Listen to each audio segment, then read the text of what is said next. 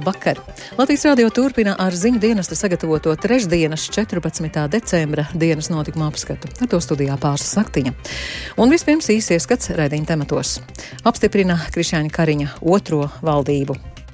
Mēs nedursim dūmus mugurā, bet sniegsim roku, lai kolēģiāli kopā strādātu. Eiropas Savienība mēģina palielināt ietekmi Āzijā. Well, we are the biggest market in the world. China, Mēs esam lielākais tirgus pasaulē. Mēs esam lielāki nekā Ķīna vai ASV. Mēs esam veiksmīgākais tirzniecības bloks pasaules vēsturē. Energocenu kāpuma dēļ pašvaldībās pieaug sociālo pabalstu saņēmēju skaits, audzis arī trūcīgo un maz nodrošināto personu lokus nu, gan drīz divkāršais pieaugums. Šie skaitļi būtu vēl lielāki, ja nu, nebūtu arī energoresursu atbalsta no valsts puses. Divus ar pusi mēnešus pēc parlamenta vēlēšanām 14. saima balsojumā izteikusi uzticību jaunajai valdībai ar premjeru Krišāni Kariņu no jaunās vienotības. Debatēs pirms balsojuma koalīcijas pārstāvi uzsvēra izaicinājumus daudzās jomās vienlaikus, bet opozīcija pārmeta konkrētības trūkumu valdības turpmāko gadu plānos. Vairāk Jāņa Kīņš sagatavotajā ierakstā. Pirmais konkrētais solis mūsu sadarbībā. Tātad mēs parakstām mūsu sadarbības līgumu. Divus mēnešus un 13 dienas pēc saimnes vēlēšanām koalīcijas veidotāji no jaunās vienotības, apvienotā sarakstu un Nacionālās apvienības parakstīja koalīcijas sadarbības līgumu un fiskālās disciplīnas līgumu. Savukārt visi nākamās valdības locekļi parakstīja deklarāciju par topošā ministru kabineta iecerēto darbību izpildi. Valdības deklarācijā uzsvērts Krišāņa Kariņa jau vairāk kārt publiski minētais mērķis - ekonomikas transformācija, ietverot uzdevumus drošības, izglītības, enerģētikas, konkurētspējas veicināšanas jomā un dzīves kvalitātes uzlabošanu. Savukārt fiskālās disciplīnas līgumā jaunās koalīcijas pārstāvji apņēmušies būtiski mazināt izdevumu pārsvaru pār ienākumiem valsts budžetā. Ļoti sarežģītos apstākļus Kariņš savā uzrunā 14. saimnes deputātiem apņēmās izmantot plānojot dzīvi pēc krīzes. Izmantot šo neskaidro laiku, lai pārkārtotu savu tautsēmniecību, lai patika dzīvot Latvijā, lai tā būtu plašāka un būs, mums būtu aizvien vairāk cilvēku Latvijā, kas ir apmierināti ar dzīvi un kas saredz savu nākotni šeit. Arī citi topošās koalīcijas pārstāvji Edgars Tavars no apvienotā saraksta un Raivis Dzinters no Nacionālās apvienības uzsvēra daudzos izaicinājumus valdības un saimas darbā. Vienlaikus viņi viens otru papildināja ar novēlējumiem labāk sadarboties. Mēs jums palīdzēsim, jo arī mūsu labākajās interesēs ir izpildīt savus dotos solījumus. Mēs nedursim dūmus mugurā, bet sniegsim roku lai kolēģiāli kopā strādātu. Neviena partija nevar teikt, ka Latvijas sabiedrība tai būtu devusi ekskluzīvu valdīšanas mandātu. Mandāts ir dots tikai mūsu sadarbībai. To es arī novēlu jaunajai valdībai. Dzirdēt vienam otru, cienīt vienam otru, sadarboties Debatēs liela opozīcijas deputāta uzmanība pievērsta valdības deklarācijai. Tajā uzskaitītajos mērķos trūkstot konkrētības par sasniedzamajiem rezultātiem, piemēram, par ekonomikas attīstību un ienākumu palielināšanu. Turpina Kaspars Briškens no progresīvajiem, Ainārs Šlesters no Latvijas pirmajā vietā un Andris Bērziņš no Zaļo un Zemnieku savienības. Mūsuprāt, ekonomikas izrāviens, kas citas starpā attīsta spēcīgu vidusslāni un sociālo aizsardzību, nav iespējams bez drosmīgiem lēmumiem un skaidra kustības virziena. Un to mēs diemžēl neredzam šajā deklarācijā. Acīm redzot, šīs valdības trīs kāju krēsls ir pietiekami stabils, lai vienlaicīgi noturētu vairāk nekā 300 prioritātes. Es tad lūgtu tiešām šodien atnākt un pateikt šīs trīs lietas, kuras viņi kā ministri realizēs savā ministrēšanas laikā. Tad vismaz būtu skaidrība, kas no šīm 300 prioritātēm tiešām ir šīs prioritātes. Es uh, nebalsošu par jūsu valdību, bet es novēlu, lai izdotos. Tas nozīmē, lai kopumā vispārīgi valstī kaut kas iet uz priekšu. Savukārt Zaļo un Zemnieku savienības deputāta Viktora Valāņa uzrunā izskanēja arī salīdzinājums par šīs un iepriekšējās saimas darba iespējām. Šobrīd pavērs iespējas daudz plašākiem manevriem un arī citas koalīcijas veidošanas iespējas. Šāda situācija neļaus nevienam atslābt. Krišņēns Kariņš sāka ar 61 balsi pirms četriem gadiem. Šobrīd viņš turpina ar jauniem atbalsta spēkiem, bet tās tomēr ir 54 balsis šodien. Un tas man liek domāt, ka šīs valdības mūžs nebūs ilgs. Krišāņa Kariņa vadītā otrā valdība apstiprināta ar 54 koalīcijas deputātu balsīm, pretbalsojot 37 tautas kalpiem. Vēlāk vakarā jaunievēlētā valdība jau devās uz pirmo svinīgo sēdi ministru kabinetā. Jānis Kincis, Latvijas radio. Eiropas parlaments šī gada Saharova balvu par domas brīvību piešķīris drosmīgajai Ukrainas tautai. Prēmijas laureāti šodien tika sveikti parlamenta plenāra sesijas laikā Strasbūrā. Eiropas parlamenta prezidenta Metsola pasniedzot balvu norādīja, ka par šī gada uzvarētāju bijusi izteikta vienprātība, jo neviens cits to nav pelnījis tik ļoti kā Ukrainas iedzīvotāji. For the past nine months, the European Parliament and the world has seen Ukrainians Pēdējo deviņu mēnešu laikā Eiropas parlaments un visa pasaule ir redzējusi, kā Ukraiņi varonīgi aizstāv savu valsti, savu brīvību, savas mājas un ģimenes. Ukraiņas iedzīvotāji riskē ar savām dzīvībām arī Eiropas dēļ, lai nosargātu tās vērtības, kurām mēs visi ticam - brīvību, demokrātiju un tiesiskumu. Neviens cits šo balvu nav pelnījis vairāk. Šī balva ir tiem Ukraiņiem, kas cīnās kaujas laukā, tiem, kuri kuri ir bijuši spiesti bēgt, tiem, kuri ir zaudējuši savus tuviniekus un draugus. Šī balva ir visiem tiem, kuri ir piecēlušies un cīnījušies par to, kam viņi tic. Es zinu, ka drosmīgie Ukrainas iedzīvotāji nepadosies, un to nedarīsim arī mēs. Ukrainas tautas vārdā Sakaro balvu saņēma Pilsonisko brīvību centra vadītāja Aleksandra Matvīčuka, Pilsoniskās pretošanās kustības dzeltenā lenda pārstāvis Jaroslavs Boško, medicīniskās evakuācijas vienības Tiāra Sēņģeļa dibinātāja Jūlija Pajevska un pašlaik Krievijas okupācijā esošās Melitopoles mērs Ivans Fjodorovs. Viņš pēc balvas saņemšanas atzina, ka balvu visvairāk ir pelnījuši karavīri. The most deserving for this award is an military. Šo balvu visvairāk ir pelnījuši mūsu bruņotie spēki, kuri ir izlēmuši cīnīties par uzvaru un aizstāvēt Eiropas principus par savas dzīvības cenu. To ir pelnījuši uz laiku okupēto teritoriju iedzīvotāji, kuri nepadevās un turpina pretoties par spīti teroram. Uz laiku pārvietotās personas, kuras nezina, vai atgriežoties savās mājās, viņu dzīvesvieta būs izdzīvojusi visas Ukrainas teritorijas deokupāciju. Visa Eiropas Savienība gatavojas Ziemassvētkiem un jaunajam gadam, bet Ukraiņi gatavojas uzvarai uzvarai. Kamēr Eiropas pilsētās tiks iedegtas Ziemassvētku lampiņas, Ukrainā elektrības trūkuma dēļ tiek iedegtas sveces. Taču pat bez gaismas mēs neļausim Krievijas tumsai iekļūt Eiropā. Šogad pasaulē ir pieaudzis nogalināto un ieslodzīto žurnālistu skaits. To paziņojusi nevalstiskā organizācija Reportieri bez robežām. Žurnālistiem visnedraudzīgākās valstis ir Ķīna un Irāna, bet pēc Krievijas iebrukuma Ukraina ir kļuvusi par otru žurnālistiem nāvējošāko valsti. Turpina Uldis Česberis. Šogad laikā no 1. janvāra līdz 1. decembrim visā pasaulē nogalināti 57 žurnālisti, kas ir par 20% vairāk nekā pērna. Visvairāk 11 nogalināti Meksikā, bet 8 Ukrainā. Savukārt ieslodzījumā atradušies vismaz 533 žurnālisti, kas ir par 28% vairāk nekā 2021. gadā. Aptuveni ceturtā daļa no visiem ieslodzītajiem žurnālistiem reģistrēti Ķīnā un Irānā. Karš Ukrainā un Covid-19 pandēmija ir izgaismojušas Eiropas valstu pārlieko atkarību no Ķīnas un tās izēvielām. Tādēļ Eiropas Savienība tagad vēlas stiprināt saites ar citiem pasaules reģioniem un dažādos pasaules piegāžu ķēdes. Tam tika veltīta lielākā uzmanība arī šīs dienas Eiropas Savienības un Dienvidu Austrum Āzijas valstu līderu samitā Briselē. Un no sanāksmes norises vietas stāsta Arķems Konahaus. Tirzniecība un drošība, Krievija un Ķīna. Tie ir vārdi, kas dominē Eiropas Savienības un ASEAN sanāksmē Briselē. Ne visas Dienvidu Austrumāzijas valstis ir gatavas atklāti nosodīt Krievijas uzsākto karu pret Ukrainu. Ja Singapūra atbalsta rietumvalstu sankcijas pret Krieviju, tad Vietnama, Laosa un Taizeme nesenajā ANO balsojumā ir atturējušās. Tomēr Nīderlandes premjers Marks Rutte sacīja, ka tieši tādēļ Eiropai ir jāturpina mēģināt pārliecināt valstis skaidri nosodīt Krievijas rīcību. Well, we China, Mēs esam lielākais tirgus pasaulē. Mēs esam lielāki nekā Ķīna vai ASV. Mēs esam veiksmīgākais tirzniecības bloks pasaules vēsturē. Tādēļ mēs vēlamies būt par spēlētāju, nevis spēles laukumu. Tas ir būtiski, jo mēs runājam par pasaules uz piegāžu ķēdēm.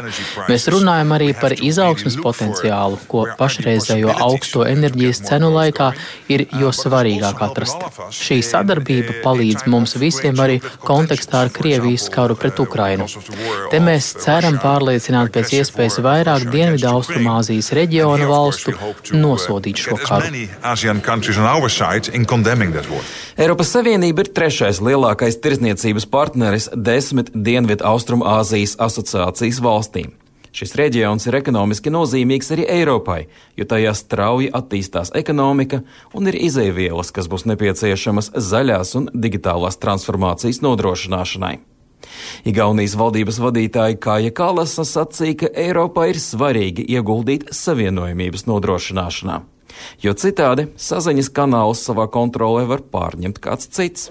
Example, uh, Piemēram, Igaunijas uzņēmumi Filipīnās īsteno dažādus viedo pilsētu savienojumības projektus. Savienojumība ir ļoti būtisks jautājums Filipīnās, jo šajā valstī ir aptuveni 7000 salu. Tādēļ rodas jautājums, kurš ieguldīs šo savienojumu izveidē laikā, kad mūsu pasaule kļūst ar vien vairāk savstarpēji savienojumu savienota. Es nedomāju, ka mums vajadzētu virzīties prom no globalizācijas, bet mums ir jāatrod veids, kā sadarboties ar līdzīgi domājošām valstīm, jo savienojums var izmantot arī kā ieroci. Nemazāk svarīgs jautājums ir arī Pekinas uzstājīgā politika un saspīlējumi Dienvidķīnas jūrā. Eiropas Savienības augstais pārstāvis ārlietās Žuzeps Borels atgādināja par šīs pasaulē lielākās jūras strateģisko nozīmi. Now, right now, Pašlaik trešdaļa no visa pasaules jūras tirdzniecības apjoma iet caur Dienvidķīnas jūru. Mums tā ir tikpat svarīga kā aorta.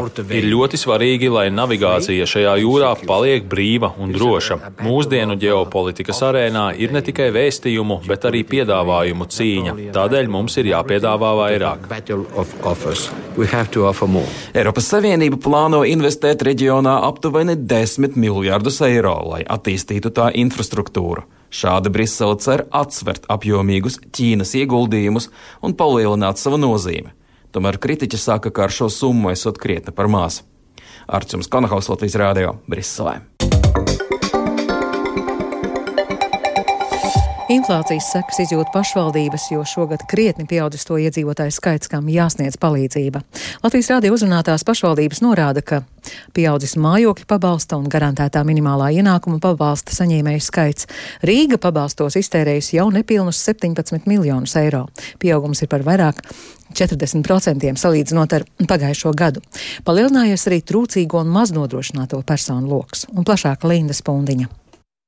Pašvaldībās pieaudzis sociālo pabalstu saņēmēju skaits. Rīgā šogad ir ievērojams pieaugums. Šī gada 11 mēnešos pabalstu kopumā saņēmuši vairāk nekā 25 tūkstoši rīdzinieku, stāsta pašvaldības labklājības departamenta pārstāve Antuāna Kalvišķa. Sociālā pabalsta saņēmēju skaits ir pieaudzis Salīdzinot šī gada 11 mēnešus ar pagājušā gada 11 mēnešiem, viņš pieaudzis par 4159 personām. Nu, tik lielu pieaugumu mēs nebijām plānojuši un bija nesen budžeta grozījuma un tika šī nauda piešķirt papildus finansējums, jā, pabalstiem. Šogad pašvaldība pabalstos iztērējusi jau nepilnus 17 miljonus eiro. Pieaugums ir vairāk par 40% salīdzinot ar pagājušo gadu. Vairāk nekā 14 tūkstoši iedzīvotāji saņēmuši mājokļu pabalstu, salīdzinot ar pagājušo gadu, pieaugums ir par 74%. Audzis arī trūcīgo un maznodrošināto personu lokus. Šogad trūcīgā status kaut vienu mēnesi bija vairāk nekā 16 tūkstošiem iedzīvotāju. Palielinājums ir par teju 5 tūkstošiem personu. Antoāna Kalvišķa skaidro, ka iespējamais pieaugums skaidrojams arī ar Ukrainas civiliedzīvotāju ierašanos Rīgā, jo šim statusam pieteikties var arī viņi.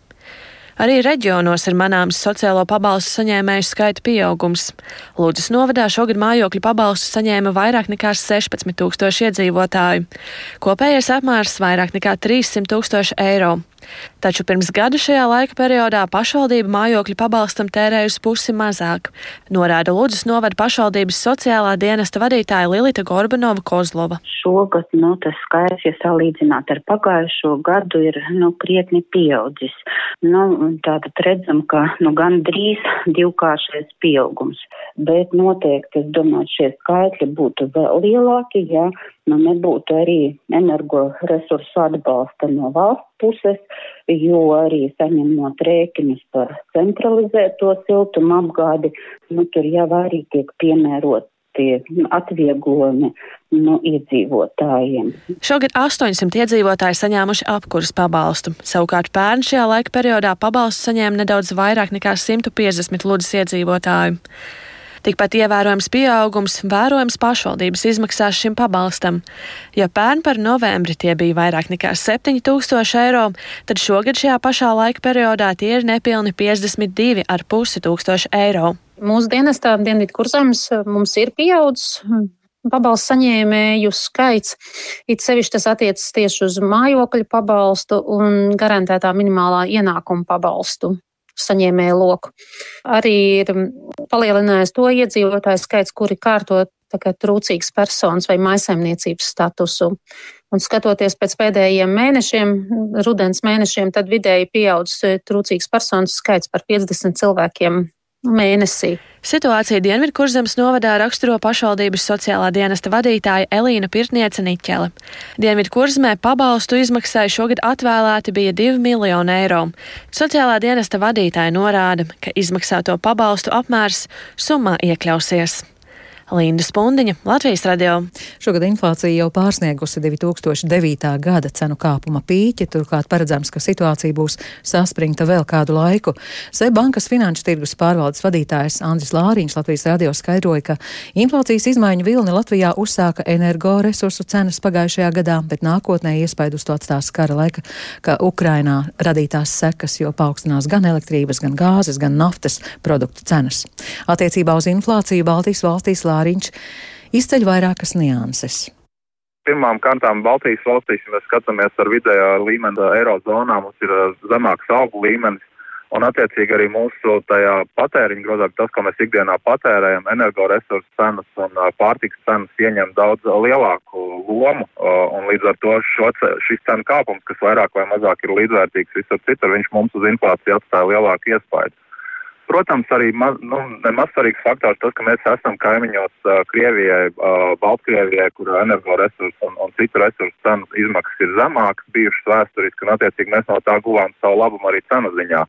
Un uh, šobrīd tas, uh, protams, meklējot citus uh, izēvielu avotus, tas sadārdzinājums arī nāk papildus klāt. Jā, nu mēs esam redzējuši arī Eiropas centrālās bankas, arī ASV Federālo rezervu sistēma ir lūkojusi ierobežot inflācijas kāpumu ar procentu likmu kāpumu. Ir diskusijas par to, vai mm, tas ir teikt, tas pareizākais uh, risinājums. Mēs redzam, ka šie um, instrumenti arī sāk strādāt. Vēl, grūti izvērtēt, cik ļoti labi viņi sāk vai nesāk šādi skaidrs, ka centrālās bankas rīcība ir vērsta ar skatu gadu divus uz priekšu un tāds strauji procentu likuma paaugstinājums. Viņš, nu, ja mēs skatāmies kreditēšanu, tad tiem, kam ir hipotekārie kredīti, zina, ka procentu likuma mainās nu, reizi trijos, sešos vai divpadsmit mēnešos, kas nozīmē, ja centrālā banka strauji te likums, tad mēs to ieraugam, vai no tūlīt, mums mainās procentu likuma tagad, vai mēs viņu ieraudzīsim pēc mēneša, diviem, trim, vai tad, kad mainīsies nākamā reize procentu likuma.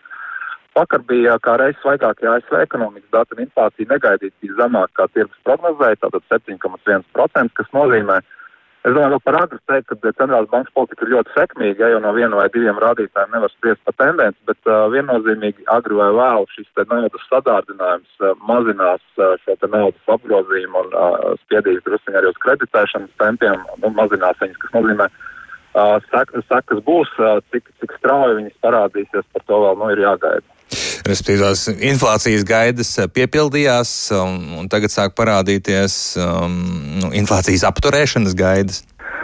Nu, godīgi sakot, es gribētu, lai nav inflācijas, bet centrālās bankas mērķis ir 2% inflācija, jo pati inflācija ir 7, 4, 2 vai 1%. Tas nozīmē, ka cenas šogad ir augstākas nekā pirms gada. Kā patērētājs es gribētu nulles inflāciju vai deflāciju, bet ekonomikai veselīgi un tāda, nu, ko, kā runā, tāds saprātīgs līmenis ir no pie tiem 2%. Un Eiropas centrālās bankas mērķis, galvenais mērķis ir noturēt cenu stabilitāti un cenu pieaugumu pie 2%. Un tas ir ļoti smags uzdevums šobrīd. Tad patērētāji var cerēt, ka vismaz cenas pārstās ar katru reizi kļūt dārgākas. Uz to patērētāji, diemžēl, nevar cerēt, jo mērķis ir, kā es teicu, tā, inf jo inflācija 2% nozīmē, ka katru gadu cenas aug vidēji 2%. Tātad īstenībā patērētājiem svarīgāk ir skatīties attiecību, cik strauji vai, vai necik strauji auga algas un kā, kā tas izskatās pēc cenu kāpuma. Skaidrs, ka šobrīd aktuālais jautājums ir uh, vajadzīgi lielāki ieņēmumi, jāceļ algas, bet uh, nav, nav tur tieši saistība, kas nozīmē, nu, inflācija, diemžēl, daļu mūsu ieņēmumu apēd. Tās ir bankas finanšu tirgus pārvaldes vadītājs Andris Lāriņš, ar viņu runāja Jānis Ramāns. Attīstoties modernajām tehnoloģijām, arī laukos dažādojas uzņēmēja darbības veidi. Tā piemēram, Naukšēnos izveidots zobārstniecības uzņēmums, kurā šobrīd top ražotne, lai jau drīzumā sāktu ražot zobu kapes. Un par šo tēmu plašāk vidzemes korespondents Gunts Matisons ierakstā. Šāda tipa kapītes mēs ražosim šeit. Tātad šeit ar printeru palīdzību izprintējam. Tālāk viņas mēs ieliekam vienā citā agregātā, kas mums šeit ir uz galda, un mēs izveidojam šādu plasmasu. Tad mēs viņu apstrādājam. Zobu tehnikas Viktors Privets rāda paraugu, kādas tad te taps zobu kapes. Tās domātas zobu taisnošanai un sakodienu korekcijai. Šobrīd Naukšāna doktorātā, kur mājvieta rada zobārstniecības uzņēmums, vēl notiek ražotnes iekārtošana. Tātad te mēs arī veiksim gan pacientu skenēšanu, Un šeit mēs varam uh, ražot tās kapes. Naukšana doktorātā strādās četri zobārsti, un līdz ar to šis pakalpojums būs pieejamāks arī vietējiem cilvēkiem. Nav viena zobārsta, kas veic visu. Pamatlīdzekļu iegādēji gūts arī Eiropas Savienības finansiālais atbalsts. Biedrības no Salats līdz Rūjai, kas pieņem un izvērtē līderu projektus, administratīvā vadītāja Ineta Andersona atzīst, ka zobārstniecības uzņēmumu izveide laukos ir būtisks iegūms. Pakalpojumu, kas ir pieejami lielajās pilsētās, atnesuši uz maziem naukšēniem Viņi ir iepriekš ieguldījuši jau zobārstniecības aprīkojumā, un, un, un ar šo pakalpojumu viņi ir nodrošinājuši jau kaut ko tādu, kas, ko mēs jau varētu teikt par inovatīvu tādos mazos naukšanos. Zobtehniķis Viktors Privets pirms desmit gadiem naukšana pusē iegādājās īpašumu, un tad arī sākts veidot savu zobārstniecības praksi. Mēs negribam palikt pie tā vecā mainīt tikai sudraba plombas un neko tālāk nedarīt. Bet runājot par to, kāpēc ražotnei un zobārstniecības praksē izvēlēt tomēr tik attālu lauki, jo no augšanas no Rīgas šķir vairāk kā 150 km, Viktors Priverts min vairākus aspektus. Tā kā pie ortodonta un lai kapjas izveidot ir ļoti liels laiks un rindas, pa 3-4 mēnešu mēs šo procesu varētu pātrināt. Jo cilvēkiem, kam šo procedūru vajag, ir gatavi atbraukt tos 150 km, ja šeit ir atbilstošs speciālists un tehnoloģijas. Biedrības no Salāts līdz Rūjai administratīvā vadītāja Ineta Andersona vērtē, ka daudzos Eiropas atbalstam iesniegtajos projektos līdz ar to, ka tiek izmantotas jaunās tehnoloģijas, arī laukos dažādojas uzņēmējdarbības veidi. Konkurss, kad notiek konkurence, ir uh, diezgan liela. Un tiešām mēs varam runāt par inovatīvitāti, mēs runājam par digitalizāciju, mēs runājam par jauniem risinājumiem risinājumiem. Mēs runājam par bezatkritumu tehnoloģiju. Bet runājot par naukšanu zobārstniecības ražotni, tad paredzēts, ka jau ar jaunā gada pirmajiem mēnešiem tā uzsāks savu darbību. Gunta Matisona Latvijas Rādio vidzemē.